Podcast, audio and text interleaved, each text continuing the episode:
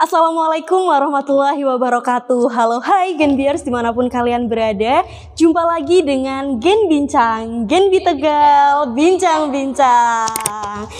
Yeay, udah lama banget ya kita nggak ketemu dan kali ini dengan aku Salma Aulia yang akan menemani sharing atau sesi diskusi mengenai topik yang luar biasa pada hari ini yaitu kesehatan yang mana fokusnya kita adalah work life balance. Nah, tentunya teman-teman ini sudah tidak asing ya dengan kata work life balance karena setahu aku ya, work life balance ini pernah menjadi tren, Bu di awal tahun 2022. Jadi sering banget menjadi perbincangan oleh generasi-generasi milenial nih terkait dengan kehidupannya ini apakah sudah seimbang atau belum gitu.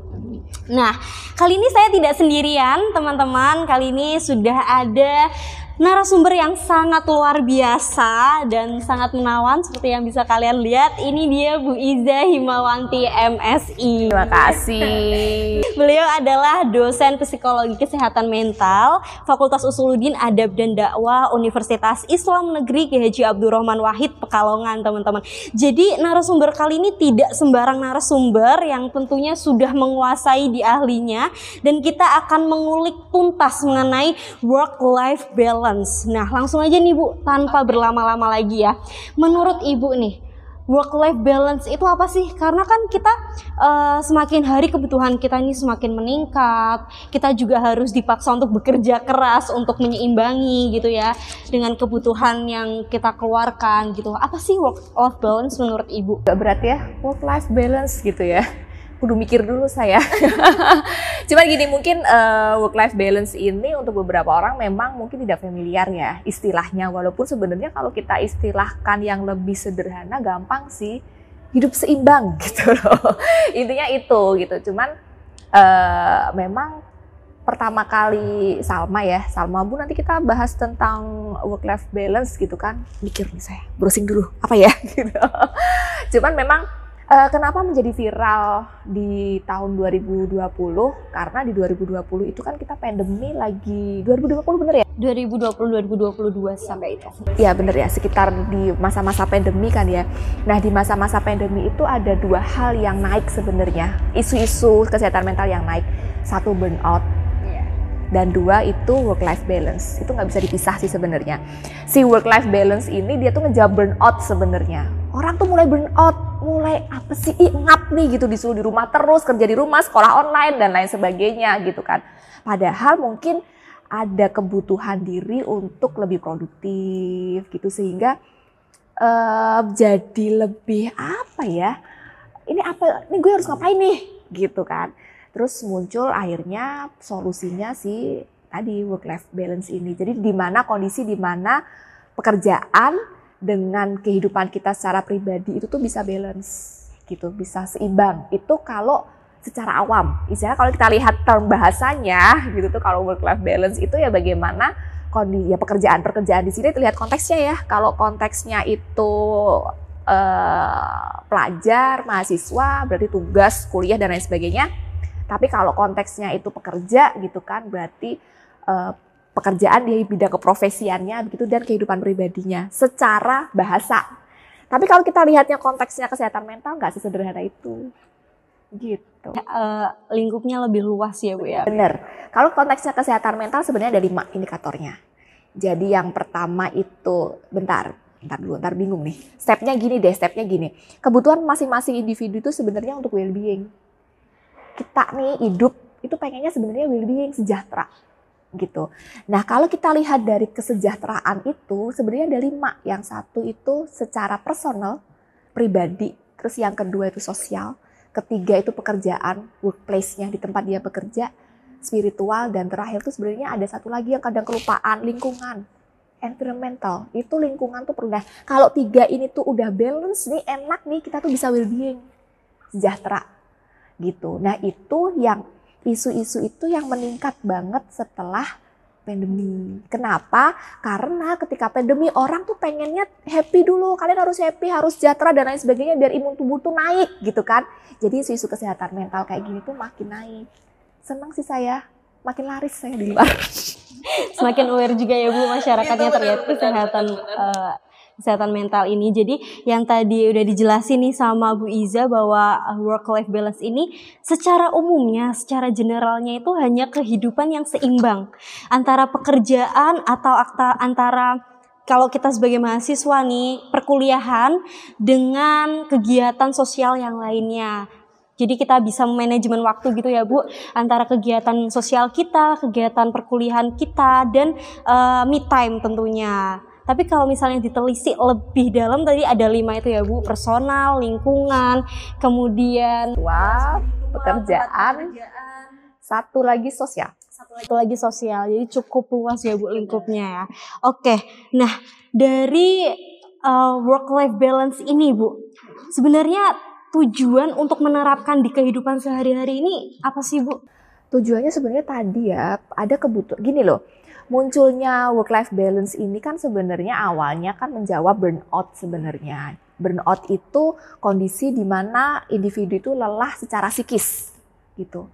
Jadi karena banyak satu bisa aktivitas yang terlalu monoton misalkan kita kuliah online atau kerja di rumah gitu bosen kan gitu terus awal mulanya kemudian atau misalkan overload overload kegiatan jadi eh, mahasiswa nih katakanlah tugas lagi banyak banget kegiatan di luar perkuliahan lagi banyak banget gitu kan nggak sempat me time dan lain sebagainya sehingga itu muncul burnout burnout itu adalah lelah secara psikis capek jadi capeknya tuh nggak fisik tok tapi psikis juga nah kenapa ketika orang mengalami lelah secara psikis itu dia kalau kita lihat derajat kebahagiaannya tuh turun banget.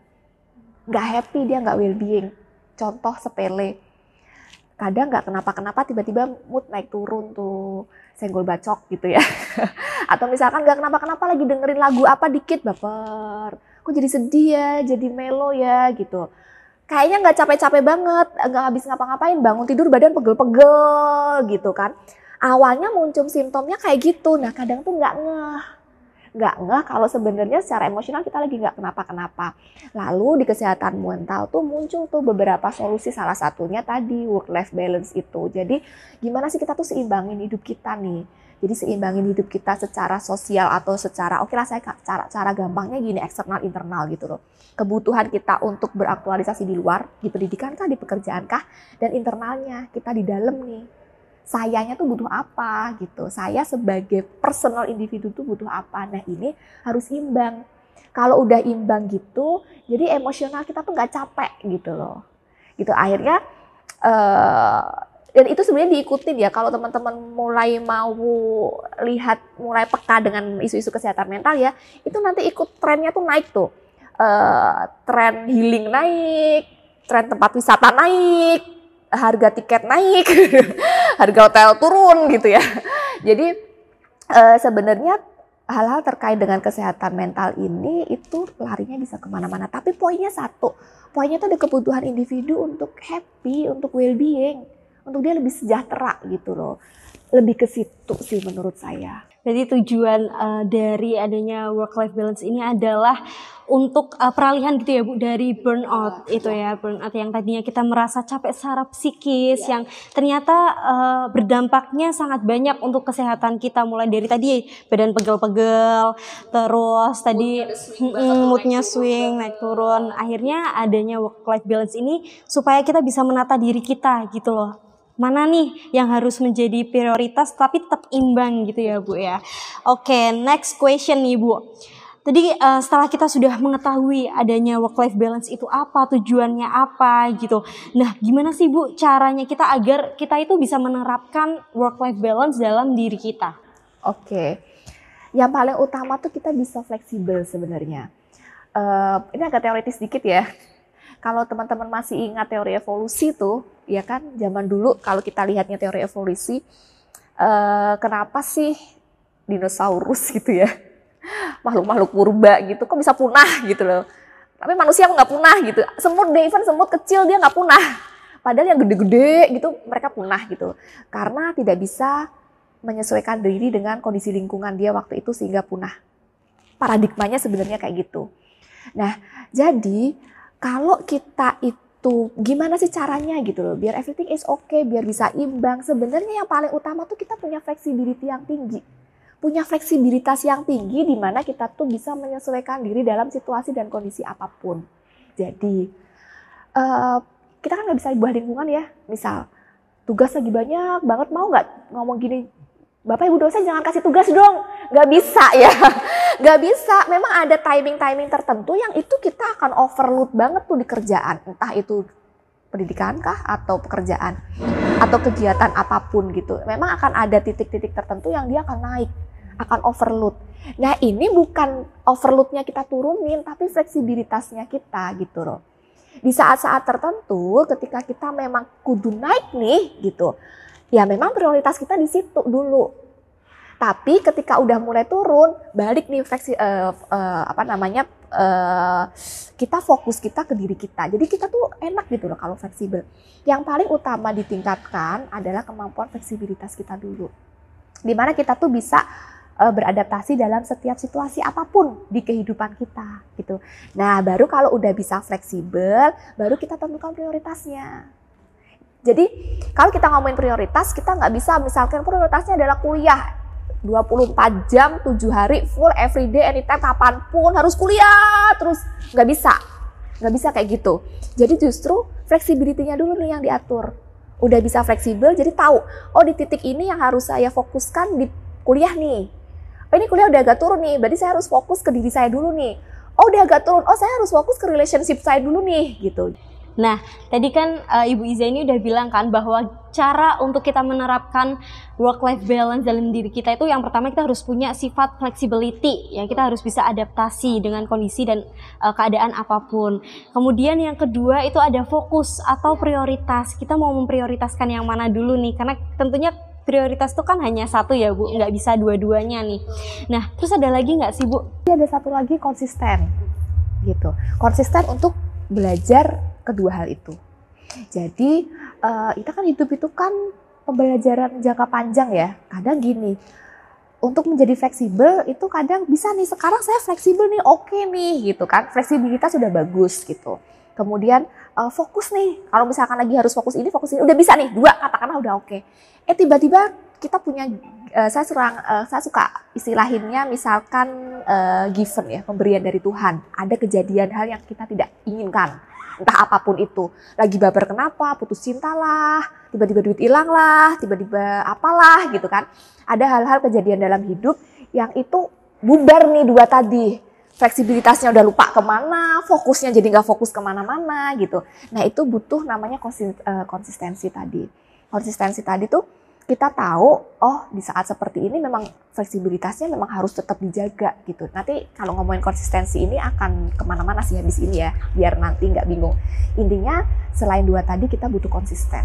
Konsisten tahu bahwa kehidupan kita tuh memang harus seimbang gitu loh. Dalam situasi seperti ini saya harus melakukan ini, dalam situasi ini harus melakukan ini. Itu tiga hal tadi. Oke. Okay. Itu tiga hal utamanya ya Bu ya dalam kita mau menerapkan work life balance. Yang ketiga ini yang seringnya uh, bisa dibilang hanya orang-orang yang sudah high level Bu yang bisa karena konsisten tuh ya Allah susahnya. Apalagi sekarang uh, sekarang ini kita banyak ke distrak ya, banyak ke distrak. Maksudnya kita banyak terganggu oleh hal-hal yang eh, nggak uh, bisa kita hindarin. Yang paling utama media sosial sih. Betul, gemburan media sosial itu parah banget ya dampaknya, impactnya ke kita. Positif sih, tapi tetap ada negatifnya gitu ya Bu ya, terutama untuk kesehatan mental sendiri. Oke, next nih Tadi kita sudah uh, berbicara mengenai caranya ya Bu ya. Nah, terus faktor apa aja sih Bu yang bisa mempengaruhi work life balance ini? Uh, faktor yang ini mungkin ya lebih uh, mempermudah ya, lebih mempermudah kita untuk bisa balance dalam kehidupan kita itu yang pertama uh, kalau saya sih kalau menurut saya yang pertama itu justru di support system sebenarnya di situ jadi ada dua sih sebenarnya, personal sama sosial secara umum. Kalau biasanya kalau orang-orang akan bilang yang paling tinggi tuh personalnya dong, kamunya nih atur dirimu kalau saya enggak. Yang paling tinggi justru sebenarnya di support system. Kenapa di support system? Karena gini, kita itu tadi ya, kita harus akuin bahwa kita tuh ada banyak hal di luar kita tuh yang akan mendistrak kita. Kita tuh hidup uh, untuk bersosialisasi jauh lebih mudah daripada 10 tahun yang lalu, ya kan? Untuk berinteraksi dengan siapa pun itu lebih mudah. Kenapa? Saya pegang handphone nih lebih lama daripada saya diem aja nggak ngapa-ngapain gitu loh. Jadi sekarang menurut saya lebih balik nih polanya. Justru support system yang paling paling berpengaruh. Nah karena support system yang paling berpengaruh, jadi perlu kita sortir bener tuh. Siapa saja sih orang-orang yang berhak untuk menjadi bagian terdekat di lingkungan kita. Itu tuh perlu disortir bener. Biar frekuensinya tuh sama gitu. Jangan sampai nih misal, misal aja ya, misal aja uh, cerita yang sepele, yang remeh, misalkan gini, ini saya harus saat saya lagi fokus saatnya saya harus fokus ke pendidikan nih. Skripsi kudu kelar nih, misal semester ini kudu kelar, nggak boleh enggak gitu. Yang lain tar dulu, ini flexibility ku lagi ngomong kamu harus fokusnya di sini gitu uh, urusan-urusan yang lain ntar dulu besok gitu ya. Nah tapi ketika kita nggak berada dalam support system yang bagus gitu, kitanya lagi mau ngerjain, aduh ngapain sih lo uh, ngampus mulu, ngapain dosen mulu, nggak gaul amat gitu gitu. Itu udah bikin nggak oke okay, gitu loh, udah ngeganggu maksudnya gitu. Satu itu, yang kedua kita butuh alasan untuk konsisten tadi. Kita kan perlu konsisten ya agar hidup kita tuh seimbang. Kita butuh alasan agar tetap konsisten. Alasan paling kuat adalah selain personal, nanti yang personal saya jelasin habis ini. Selain personal, alasan yang paling kuat adalah sebenarnya individu lain, orang lain. Satu, kalau saya misalkan saya sudah punya anak, alasan terkuat saya anak. Kenapa? Saya harus punya goal yang di pekerjaan, saya harus saya secara mental, secara pribadi personal. Saya harus punya goal di pekerjaan saya. Kenapa? Karena saya punya tujuan buat anak saya. Misal teman-teman yang belum berkeluarga, oh alasan paling kuatnya orang tua misalkan gitu. Saya harus cepat lulus, tapi saya juga harus lihat mental. Saya nggak boleh sedih gitu. Kenapa? Karena ada orang tua yang pengen saya bikin happy gitu. Itu lebih kuat sebenarnya. Baru setelah itu personality kita secara personal. Kenapa secara personal ini saya masukin di nomor dua? Karena kita merubah diri sendiri, mengubah pola pikir, mengubah habit itu lebih gampang daripada kita kontrol lingkungan. Paling gampang tuh mengubah pola pikir dan mengubah habit. Itu paling gampang. Gitu. Jadi dua hal tadi. Jadi gimana kita ke diri kita sendiri, cara pandang kita diubah, mulai stop untuk overthinking gitu ya. Mulai stop untuk uh, apa ya nanti jadi jadi banyak nih. Maksudnya gini fokus ke satu hal ketika memang kamu harus fokus ke dirimu sendiri stop untuk jadi people pleaser. Jadi stop untuk uh, mengabaikan dirimu sendiri misalkan ketika memang harus ke diri sendiri. Itu lebih mudah sebenarnya tapi selain itu yang paling jangan sampai dilupain adalah support sistemmu sortir dong orang-orang di circle terdekatmu gitu loh. Biar lebih enak jalannya. Biar semuanya tuh sama sama-sama punya tujuan. Kita harus sehat dua-duanya nih. Sehat di kerjaan sehat secara uh, psikis kita sehat secara spiritual kita juga itu harus disortir. Gitu Iya, tadi kan Bu Iza udah bilang ya bahwa hal yang mempengaruhi itu ada dua faktor yang mempengaruhi. Yang penting itu ada yang pertama support system, gimana kita uh, harus bisa mencari pihak-pihak yang sefrekuensi gitu ya Bu, supaya bisa mendukung uh, kita untuk mencapai tujuannya gitu. Goals-goalsnya ini bisa kecapai dengan orang-orang yang satu frekuensi dan bisa menjadi support system. Yang kedua adalah personalitinya ya Bu ya. Oke, next nih Bu Next questionnya adalah tadi kita sudah membahas banyak ya Bu. Nah ini mungkin bisa dibilang poin penting dari topik ini. Apa sih yang menjadi perbedaan antara kehidupan orang yang biasa-biasa aja, maksudnya kayak ya udahlah hidup ngalir aja, dengan orang-orang yang sudah menerapkan keseimbangan, kehidupan yang seimbang. Apa sih Bu bedanya? Oke, saya tuh suka analogikan gini mbak, kalau hidup ngalir itu tuh kayak air ngalir dari atas ke bawah sampai bawah, bawa apa tuh? Bawa sampah. Gak, ya sampah, gak bawa apa-apa ya. Jadi kadang gini, uh, kalau kita biasakan, udah ngalir aja deh ikutin takdir, konsep itu banyak kurang tepatnya menurut saya ya. Kenapa? Karena nanti uh, akhirnya kita hidup tuh di di akhir segmen gitu ya segmen kita sadar nih gue ngapain sih bawa penyesalan gitu loh karena banyak waktu yang nggak ke, yang kebuang sia-sia dan lain sebagainya itu satu bedanya kemudian yang kedua uh, ketika kita atur, kita itu kan hidup sebaiknya punya goals ya, punya tujuan. Nah, kalau kita udah punya tujuan, harusnya kita atur dong. Kita atur per segmennya di tujuan itu. Saya mau misalkan nih, uh, saya mau ke sana, ke part tertentu, akan ada part 1, 2, 3, 4, 5 sampai ke goal saya, itu kan perlu diatur. Nah, goal yang paling bagus itu sebenarnya tadi, kita tuh sehat mental sehat mental itu ya sehat diri kita, sehat finansial dan lain sebagainya begitu. Nah itu perlu diatur. Jangan sampai di kita tuh cuman nggak nggak ada makna, nggak ada meaning. Kalau kita cuman ngalir aja kita susah cari meaningnya. Poinnya di situ. Kita akan susah cari pemaknaan hidup. Kalau udah susah cari pemaknaan hidup, kita jadi susah bersyukur. Mau lihat, mau punya dapat pencapaian juga, mana pencapaiannya orang udah nggak kita setting goalnya gitu. Nah beda ketika seimbang, ketika balance ketika balance jadi kita punya goal-goal tertentu di setiap part di kehidupan kita pekerjaan kuliah goalnya mau apa gitu ke diri sendiri nih untuk personal buildingnya goalnya mau apa kamu mau jadi apa mau kayak gini aja atau besok kamu pengen punya skill apa gitu kemudian ke relationship misalkan gitu kan mau jomblo aja 10 tahun gitu ya atau mau punya target relationship yang kayak gimana gitu jadi di setiap part di kehidupan kita tuh punya goal. Kalau masing-masing punya goal enak tuh. Tinggal kita switching-switching aja. Hari ini yang ini dulu nih, besok yang ini nih, besok yang ini nih. Fleksibilitasnya enak aja.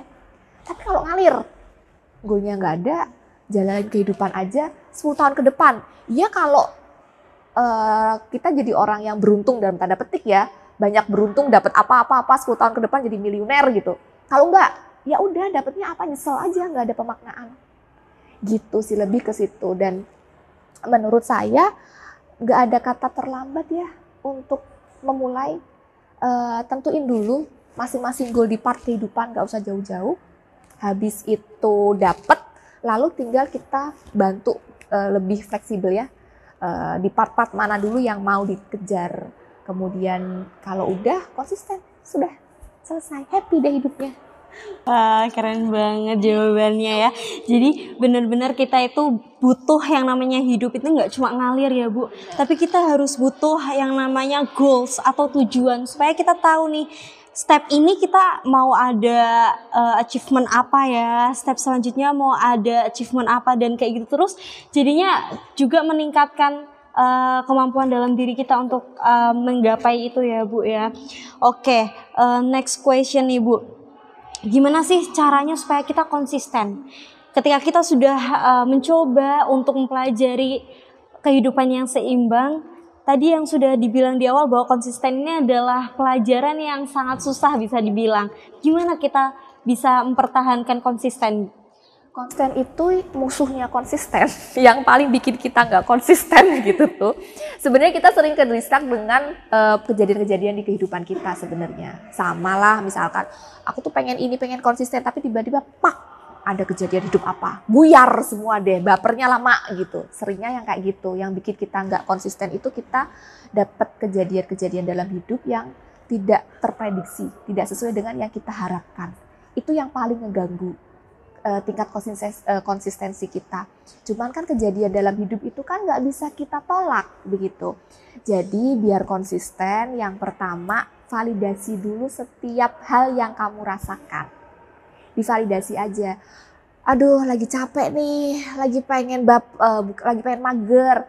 Validasi aja, oke mager dulu. Ketika kita validasi, kita punya jangka waktu tertentu misalkan ya. Oke mau mager dulu deh sehari. Nggak apa-apa deh sehari mager silahkan. Aduh mau ngapain? Oke sehari nggak apa-apa. Habis itu balik lagi gitu. Nah kadang kalau kita nggak validasi apa yang kita rasakan itu kita ngertinya udah berantakan aja nggak enak. Tadi ya burn out aja tapi kita nggak ngerti kudu ngapain jadi kita konsisten eh, sorry jadi kita validasi dulu yang kita rasakan apa kalau udah validasi kita ngerti oke saya butuh istirahat saya butuh stop dulu stop satu hari, lanjut lagi deh berikutnya gitu. Atau misalkan kita validasi nih, ini lagi oke okay banget nih, uh, energi power dan lain sebagainya. Nih gue lagi oke okay banget nih, lagi produktif banget. Kalau kita validasi itu, ya udah lari, go hit, lari deh kamu. Oke saatnya lari, udah capek nih, berhenti dulu. Udah nggak capek, lari lagi gitu. Jadi kita ngerti kayak gitu, jadi konsistennya otomatis nanti udah jalan aja. Gitu. Gila, keren ya. Jadi lagi-lagi validasi ya Bu ya. validasi kita uh, sangat penting ya Bu untuk menerapkan validasi gitu di mana kalau misalnya kita sudah tahu uh, kemampuan kita, batasan kita sampai mana ya sudah istirahat dulu. Nggak ada salahnya untuk kita tuh berhenti sejenak daripada kita terus melanjutkan yang akhirnya nanti menimbulkan burnout, capek semuanya, buyar sehingga yang tadinya kehidupan kita sudah mulai seimbang jadi uh, buyar lagi ya Bu ya. Mulai dari nol tuh sangat disayangkan sekali. Nah, question yang terakhir nih Bu. Nah, uh, pesan dari Bu Iza untuk Gen Beers yang ada di rumah terkait work life balance ini apa?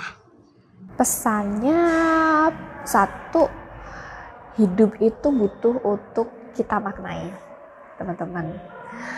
Makna itu yang paling menyenangkan adalah makna-makna yang bagus, yang positif. Jadi uh, seimbangnya hidup kita, hidup saya itu seimbang atau enggak sebenarnya poinnya adalah bagaimana kita memaknai kehidupan kita itu sendiri gitu. Kalau kita udah kasih makna yang bagus, even sekarang lagi nggak kenapa lagi nggak baik-baik saja nih, lagi nggak balance nih. Kalau maknanya udah bagus, nanti kita kembali lagi kok ke track yang bener gitu. Jadi uh, tetap positif aja berpikirnya, tetap makna hidupmu dengan baik karena yang makna yang baik itu nanti yang akan mengantarkan kita kepada uh, keseimbangan hidup yang lebih baik juga ingat bahwa kita itu adalah sifat-sifat di dalam diri manusia yang baik itu adalah salah satu cerminan dari sifat-sifat Tuhan. Dan sifat Tuhan itu nggak ada yang buruk. Jadi untuk mengurangi hal-hal yang buruk, maknai dirimu dengan baik. Nanti kamu nggak akan sadar bahwa ternyata kamu sudah seproduktif itu hingga di titik tertentu. Keren. Yang di highlight adalah ingat bahwa sifat-sifat kita itu adalah cerminan dari sifat-sifat Tuhan yang mana tidak mungkin Tuhan memiliki sifat yang buruk. Maka dari itu penting banget kita harus memaknai hidup supaya kita lebih sadar, lebih aware. Ternyata tuh hidup tuh penuh makna dan kita nanti ketika kita sudah um, bisa memaknai hidup, kita pasti sudah mengetahui, bisa mengetahui prioritas diri kita, terus kita secara tidak langsung menemukan orang-orang yang satu frekuensi yang tentunya juga menjadi support system yang positif begitu ya Bu. Wah nggak kerasa Bu, kita sudah bincang-bincang. Habis ya waktunya ya, oke. Okay. Pinginnya sih lanjut part 2, part 3 gitu ya Bu. Tapi uh, hari ini sangat full insight Bu Alhamdulillah ya kita mendapatkan wawasan baru yang sangat luar biasa mengenai work life balance yang tentunya ini relate atau harus banget diterapkan untuk semua kalangan usia ya Bu ya. Wah Bu Iza terima kasih banyak sudah menyempatkan waktunya untuk mengisi diskusi di acara podcast Gen Bincang ini. Semoga ilmu yang tadi sudah uh, Ibu Iza bagikan bisa bermanfaat nih untuk teman-teman Genbiers yang ada di rumah yang tentunya harus banget nonton video dari awal sampai akhir.